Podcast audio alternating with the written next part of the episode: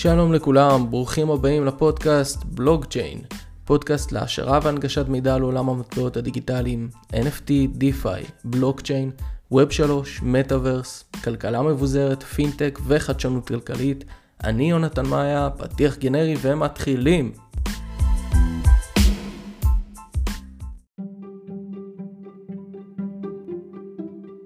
הפרק אנחנו נדבר על ביטקוין, אבל על הסיבות למה בכלל צריך את זה. כולנו יודעים שביטקוין הוא מטבע דיגיטלי. יופי. אפשר לעשות איתו העברות כספים בין עמית לעמית ישירות ללא מתווך באמצע, והוא מתבסס על טכנולוגיית בלוקצ'יין שמקנה לו הבטחה גבוהה, ביזוריות ושקיפות. אבל הרעיון הזה של ביזוריות, של היי hey, תודה בנק יקר, אבל אנחנו יודעים לעשות את זה יותר טוב. לא נולד ככה סתם. רק מציין שהפרק נכתב מחדש לאחר הפלישה הרוסית לאוקראינה בסוף פברואר 2022.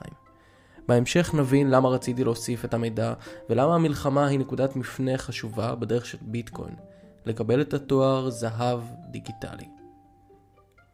וכדי לדבר על ביטקוין ומטבעות דיגיטליים, אנחנו צריכות להבין רגע בכמה שורות למה בכלל צריך את זה, או יותר נכון, למה סטושי הקימה את ביטקוין. ומה זה פיאט? לא הרכב, יש לנו מכונית אחרת בפרק. כסף? פיאט? כסף כמו השטרות שאנחנו מכירים היום. נועד להקל עלינו כדי להעביר ערך ממקום למקום. כסף, אם אפשר לקרוא לו ככה, הוא טכנולוגיה. ובשביל להבין את ההתפתחות הטכנולוגית, אנו צריכים את המכונית דלוריאן. מכונת הזמן מבחזרה לעתיד? אוקיי, אתם איתי. אז נכנסנו למכונית ושילבנו להילוך ראשון. הגענו לתחנה הראשונה, המסחר. לא תמיד השתמשנו בשטרות. לא תמיד לאה גולדברג שימשה לנו כמאה שקלים. פעם, מזמן, ממש מזמן, עוד לפני נועה קירל, עשינו סחר חליפין. בארטר. אם לי יש תרנגולות ולך יש תפוחים, אז היינו מחליפים למשל 50 תפוחים בתרנגולת אחת. ומשם התגלגלנו לטכנולוגיה הבאה, כלכלת סחורות, מתכות, חיטה, תירס ועוד. דלוריאן, הילוך שני בבקשה. ומכל הסחורות הללו, זהב. זהב השתלט על הכס והוכתר כמלך של הסחורות. וזה נבע מכמה סיבות. האחת, הוא נדיר, קשה לקרות אותו. צריך המון זמן ומשאבים כדי לעשות זאת. לא כל אחד יכול לקום בבוקר ולהגיד, אוקיי, אני, אני הולך לקרות ולעשות מלא כסף uh, מזהב עכשיו. הסיבה השנייה שתכלס, בינינו, הוא נראה טוב. הוא נוצץ בלינג בלינג כמעט כמו היהלומים של נועה קירל. בעבר הוא היה משוייך לראשי השבטים ולמלכים. הוא היה כמעין סמל סטטוס של כוח. כולם ידעו שלמלך יש אוצר עם המון תכשיטים עשויים ממתכת הזהב. עכשיו, אפשר להמשיך לפטפט על זהב ומה היתרונות מול החסרונות, אבל קפצנו מעט קדימה על ציר הזמן והגענו לרגע שלמישהו נפל האסימון.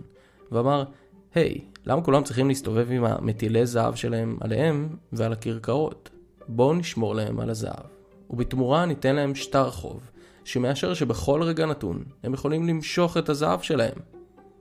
הארצות הנורדיות היו הראשונות שבעצם הפקידו את הזהב שלהם אצל הצורף או הנפח המקומי, ובתמורה ניתנה קבלה על כמות הזהב שהופקדה.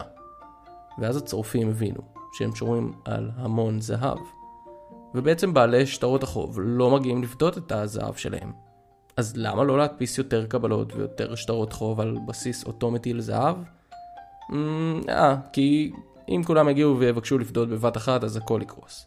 וניחשתם נכון, זה בדיוק מה שקרה, ולאחר מכן התגלגלנו למה שנקרא תקן הזהב. דלוריאן, אנחנו כבר בסלט גבוה, הילוך שלישי. תקן הזהב. שטר חוב המגובה אחד לאחד עבור כמות זהב שווה, ואם זה לא מגובה, אין אפשרות להנפיק. ונקפוץ לשנת 1944, הילוך רביעי אצל דלוריאן להסכם מערכת ברטון וודס. לאחר מלחמת העולם השנייה, שממנה ארצות הברית יצאה כמעצמת על. אותו הסכם קבע את שערי החליפין בין מדינות, ואולי הדבר החשוב ביותר, ההסכם קיבע את ערכם של מטבעות בינלאומיים מול הדולר האמריקאי. מפאת בעיות תקציב היה אמור להישמע כאן ההמנון, אז פשוט תזמזמו לכם. ההסכם קיבע את ערכו של הדולר ל-35 דולר לאונקיית זהב. ומכיוון ששאר מטבעות העולם הוצמדו לדולר, נכפה עליהן תקן הזהב המעודכן.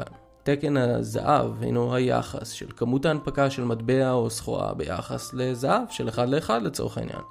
על כל דולר שמונפק, המדינה צריכה להחזיק זהב עבורו ביחס ישיר.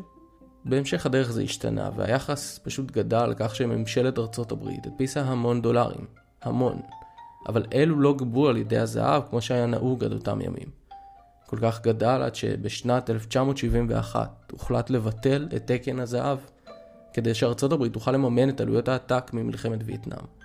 סוף שנות ה-80 הם אמרו, הם לא, לא, לא מספיק טוב לי, אני רוצה למנף את זה. כולם אמרו לה, אחלה אמריקה, את נראית אש, חזקה, קפיטליסטית וחדשנית. ואת כנראה יודעת מה את עושה. אנחנו, אנחנו איתך.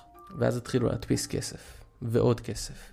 והצמיגים של המכונית שלנו כבר חורכים את הכביש, והגענו לאחר משבר בועת הדוט קום. לא ניגע בו כרגע, אבל בגדול כל מי שצעק אינטרנט קיבל ערימות של כסף. לאחר היציאה מהמשבר, שוק הדיור האמריקאי שגשג. הורדת הריבית ועוד מספר אלמנטים גרמו לכך שאנשים יכלו לקחת משכנתאות ללא יכולת החזר ברורה. אנשים אלה נקראו לווי סאב פריים, אשר להם רמת סיכון גבוהה להחזר המשכנתה. הבנקים המלווים היו בטוחים שבמידה ומישהו לא יוכל לעמוד בתשלומי המשכנתה ויוגדר כחדל פירעון, הם יוכלו למכור הלאה את הנכס המושכן, ואז. ואז הגיע המשבר 2008, משבר הסאב פריים. בגדול, המון לווים ללא יכולת החזר שבאו לבנק ואמרו לו, היי, hey, אנחנו לא רוצים את הנכס, קח תמכור אותו, תודה. והיו כאלה שמכרו הלאה את החוב של לווי הסאב פריים, ובעצם מינפו את החוב של הלווים. כדי לקבל עוד כסף ועוד כסף, ולבסוף כל הבועה שהסתמכה על לווה בדירוג לא משהו, פשוט קרסה. היה את לימון בראדרס, ואנשים שנמחק להם הכל כי ובכן הבנק פשט רגל. זה אירוע חריג, זה ברבור שחור, אבל הוא לימד אותנו שיעור, בכך שלא שמים את כל הביצים בסל אחד. סליחה על הטבעונים מבינינו? תודה. משבר הסאב פריים היה אירוע מכונן, ואבן הדרך לכלכלה הביזורית. לחופש מתלות באדם אחר עם אינטרסים מנוגדים ולוביסטיות מכל עבר. הייתה המון ביקורת על כך שהפדרל ריזרב, הבנק המרכזי של ארצות הברית, לא הציל את לימן, וגם עוד בנקים אחרים. לימן היה הבולט מכולם. אבל כשהגיע תורה של ענקית הביטוח AIG, אז הוא אמר עד פה. ההתערבות הזאת או מנגד יש כאלה שיגידו החוסר התערבות במקרים מסוימים במשבר, הובילו לחוסר אמון של הציבור במערכת הבנקאית/סלש פוליטית. ולכן הגיעו אפליקציות וחברות שלקחו רבדים מסוימים מחברות ותאגידי ענק, ופרקו אותם לגורמים.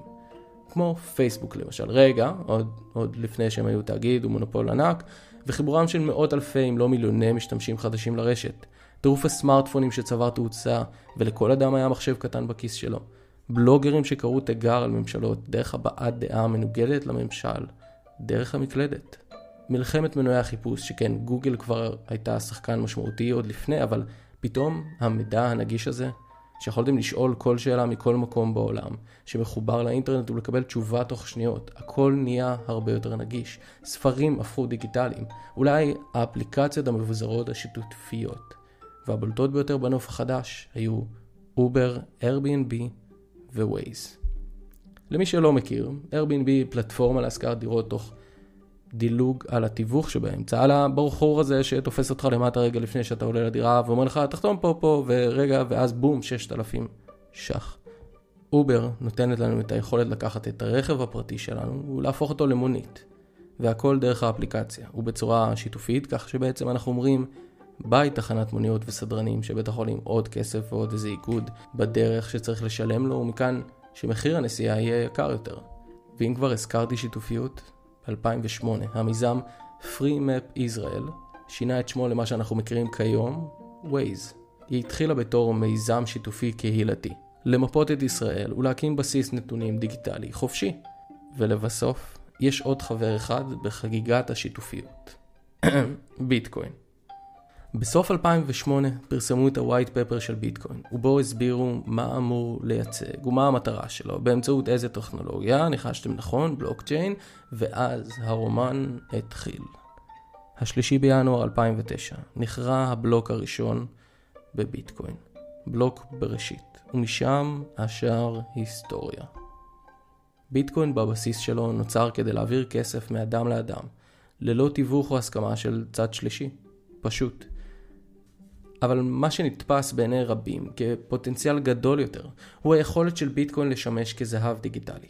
קוראים אותו, דיברנו על proof of work, והוא משאב מוגבל, כי יש ממנו רק 21 מיליון מטבעות, ורק ב-2040 יסיימו לקרות את החלקיק ביטקוין האחרון. בנוסף לכך, באקוסיסטם הפנימי שלו, אין התערבות חיצונית, אין ממשלה אחת ששולטת על ההיצע ואומרת כמה מותר להדפיס או לא, הכל מבוזר ושקוף לעיני כולם. הביטקוין לא כפוף להסכמים בין מדינות ריבוניות ואינו מושפע מאינטרסים או לוביסטים כאלו ואחרים.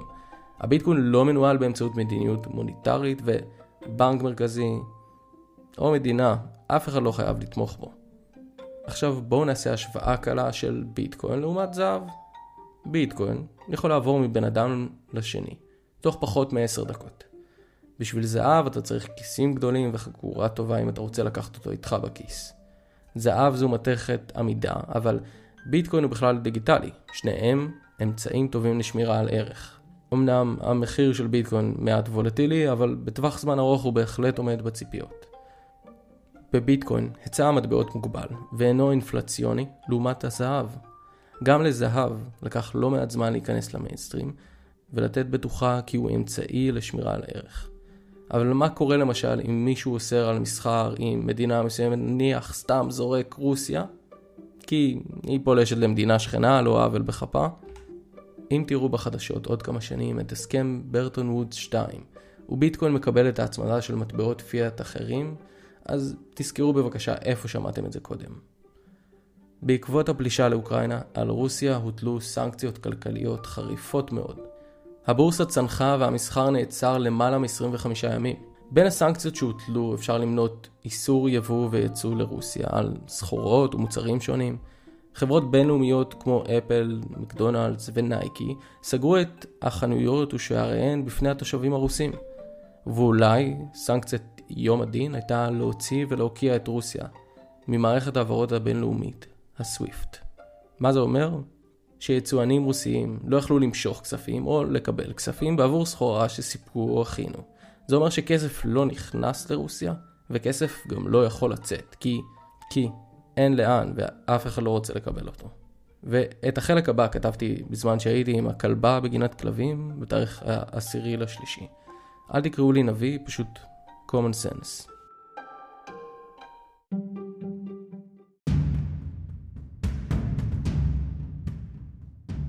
מלחמת העולם השלישית. מה היה לנו? רוסיה פלשה לאוקראינה. ובכן, במשך המון זמן תכנן פוטין את ה-so called מבצע הצבאי הזה. הוא הקטין את החוב של רוסיה, שמר רזרבות של דולרים וזהב, למעלה מ-600 מיליארד כאלה. עוד ב-2014, כשכבשו את חצי האיכרים, הוא ידע שזה יגיע לרגע הזה. והמערב hmm, חשב שזה ייפתר בדיפלומטיה.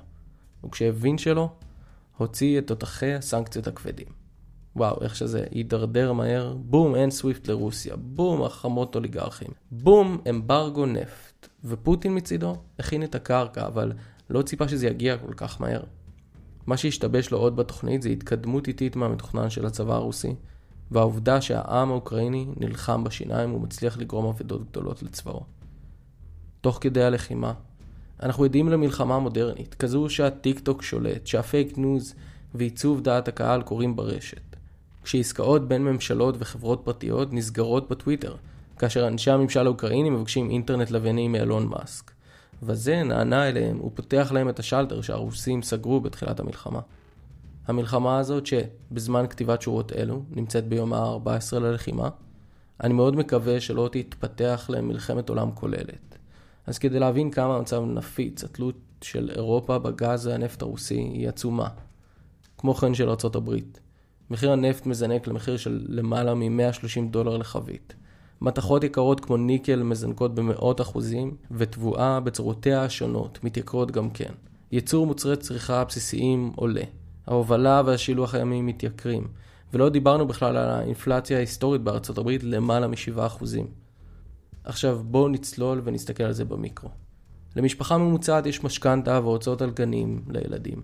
ואוכל על השולחן, חימום לבית, חשמל וגם מותרות, חול, רכב ברמה, הצגות, הופעות וכולי. במידה והכל מתייקר בחדות כזו שאנו רואים, בלי פתרון ריאלי באופק, הלחם והאוכל על השולחן שלנו מתייקר. החשמל עולה כפול, הרכב עולה יותר, ופתאום יש פחות כסף להוציא על מותרות. ההכנסה הפנויה תקטן. כי במשקל המאזניים, אוכל על השולחן או טיסה לחו"ל, אז ברור שטיסה לחו"ל. הצריכה שלנו תצטמצם לדברים ההכרחיים והבסיסיים. ואם הצריכה תקטן, הביקוש יקטן. ומכאן שהצמיחה תקטן, ולזה, חברים, קוראים מיתון. ועכשיו נעלה חזרה למעלה למאקרו. בגלל שהמשפחה עכשיו מצומצמת יותר, עדיין יש לה התחייבויות. יש לה משכנתה שכנראה הצמידה ל-300 חודשים למדד ותחזיר כפול ממה שהייתה צריכה. ואולי אפילו אחד מבני הזוג יפוטר מהעבודה בגלל הצמצום. ויכול להיות היום שבו אותה משפחה תגיע לבנק ותגיד לו, היי, hey, לצערי אנחנו לא נוכל להמשיך לשלם, והופ, לבנק הפועלים חזרו מלא משכנתאות ויש לו ים דירות. ואם זה מזכיר למישהו את 2008, אז ובכן, כמעט. לא בסדר גודל הזה, אבל זה יגרום לזעזוע גדול. מספיק כדי לפוצץ את בועת הנדל"ן, ומשם לבועת המניות וההייטק. עד פה נביא זעם. אפשר להוסיף איזה אייטם על סטקפלציה, אבל בסדר, הבנתם את העניין. ולמה אני מציין את המלחמה? שאלה מצוינת. צריך להבין שהאזרח הרוסי הממוצע לא יכול למשוך מהכספומטים, ולא מעט רואים במדיה תורים ארוכים של אנשים שעומדים בתור לכספומטים אלו. כי כולם פוחדים על הכסף, ועושים run on the bank. כאשר הם כבר מצליחים להוציא אותו, ערכו פחת. וגם אין כל כך מה לקנות, כאילו ליטרלי המדפים בסופר ריקים. בקיצור, המצב שלהם בקרשים. ומה קורה שהמטבע המקומי שלך במצב כל כך רעוע? אז רצים לביטקוין. כך קרה וקורה עם הלירה הטורקית. הוא ניסיון של ארדואן לאסור פעילות מטבעות דיגיטליים בשביל לשמור על הכמעט ערך של הלירה. כך קרה ברוסיה לאחר ההודעה והציפייה שהמערב ינתק את רוסיה מהסוויפט. במשך שבוע באזור הזמן הנקוב, ביטקוין עלה למעלה מ-15%. ובבורסות קריפטו, צמד המסחר הנפוץ היה רובל ביטקוין, או רובל ומטבע צמוד דולר אחר. המלחמה היא נקודת מפנה, והכנה לאפקט הרשת שתהליך כזה מצריך. ישנם משתמשים קיימים, והם מרוויחים מכניסה של עוד משתמשים חדשים, ואז מגיעים מפתחים ויזמים לבנייה על הרשת כך שנותנים עוד ערך למשתמשים חדשים להיכנס. כמו פייסבוק שלאט לאט התרחבה וגדלה והגיעה לכל בית, והכל התחיל מאיזה קמפוס באחת האוניברסיטאות. שורה תחתונה ולסיכום. המחיר של ביטקוין הוא וולטילי, ולא מזמן שאלו אותי מה קובע, מה קובע את המחיר. אז נכון, לביטקוין יש ערך כי נותנים לו ערך, כי אנשים מאמינים שהוא שווה. האם הוא שווה 100 אלף דולר או 2,000? אני אתן לכם לדמיין לבד. אבל קריפטו כאן להישאר. ביטקוין הוא אמנם החלוץ, אבל אי אפשר לקחת את הרעיון הזה והתזה הזו, שאומרת שהפרדיגמה הטכנולוגית הבאה, לאחר כל כך הרבה שנים של עידן פיזי מוניטרי, יהיה דיגיטלי מבוסס בלוקצ'יין. הצעירים של היום הם הבנקאים של המחר, והם, חברים, צועקים קריפטו. לדעתי, באופן אישי, ביטקוין הוא האמצעי הבא של העולם לשמירה על ערך והעברת ערך על פני זמן. הוא התשתית ואבן הפינה לכלכלה חדשה, מבוזרת, מפוקחת, מלשון התפכחות, כן? אני מבין שאין לנו על מי להישען, אלא אלא על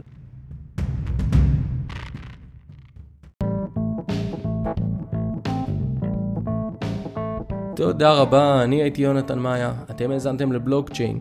הפרק לא היה פאנפקט, אז הנה אחד קטן, 140 מיליארד דולר, קרוב ל-3.5 מיליון מטבעות ביטקוין, נמצאים בארנקים שהסיסמה עליהם נשכחה. מקווה שאתם לא בסטטיסטיקה הזאת. נשתמע בפרק הבא, תעשו לייק באינסטגרם ותעקבו בטוויטר, כל הלינקים מופיעים פה, אז קליק קטן בבקשה. אין לראות באמור ייעוץ השקעה או המלצה פיננסית, המידע להשערה בלבד. thank you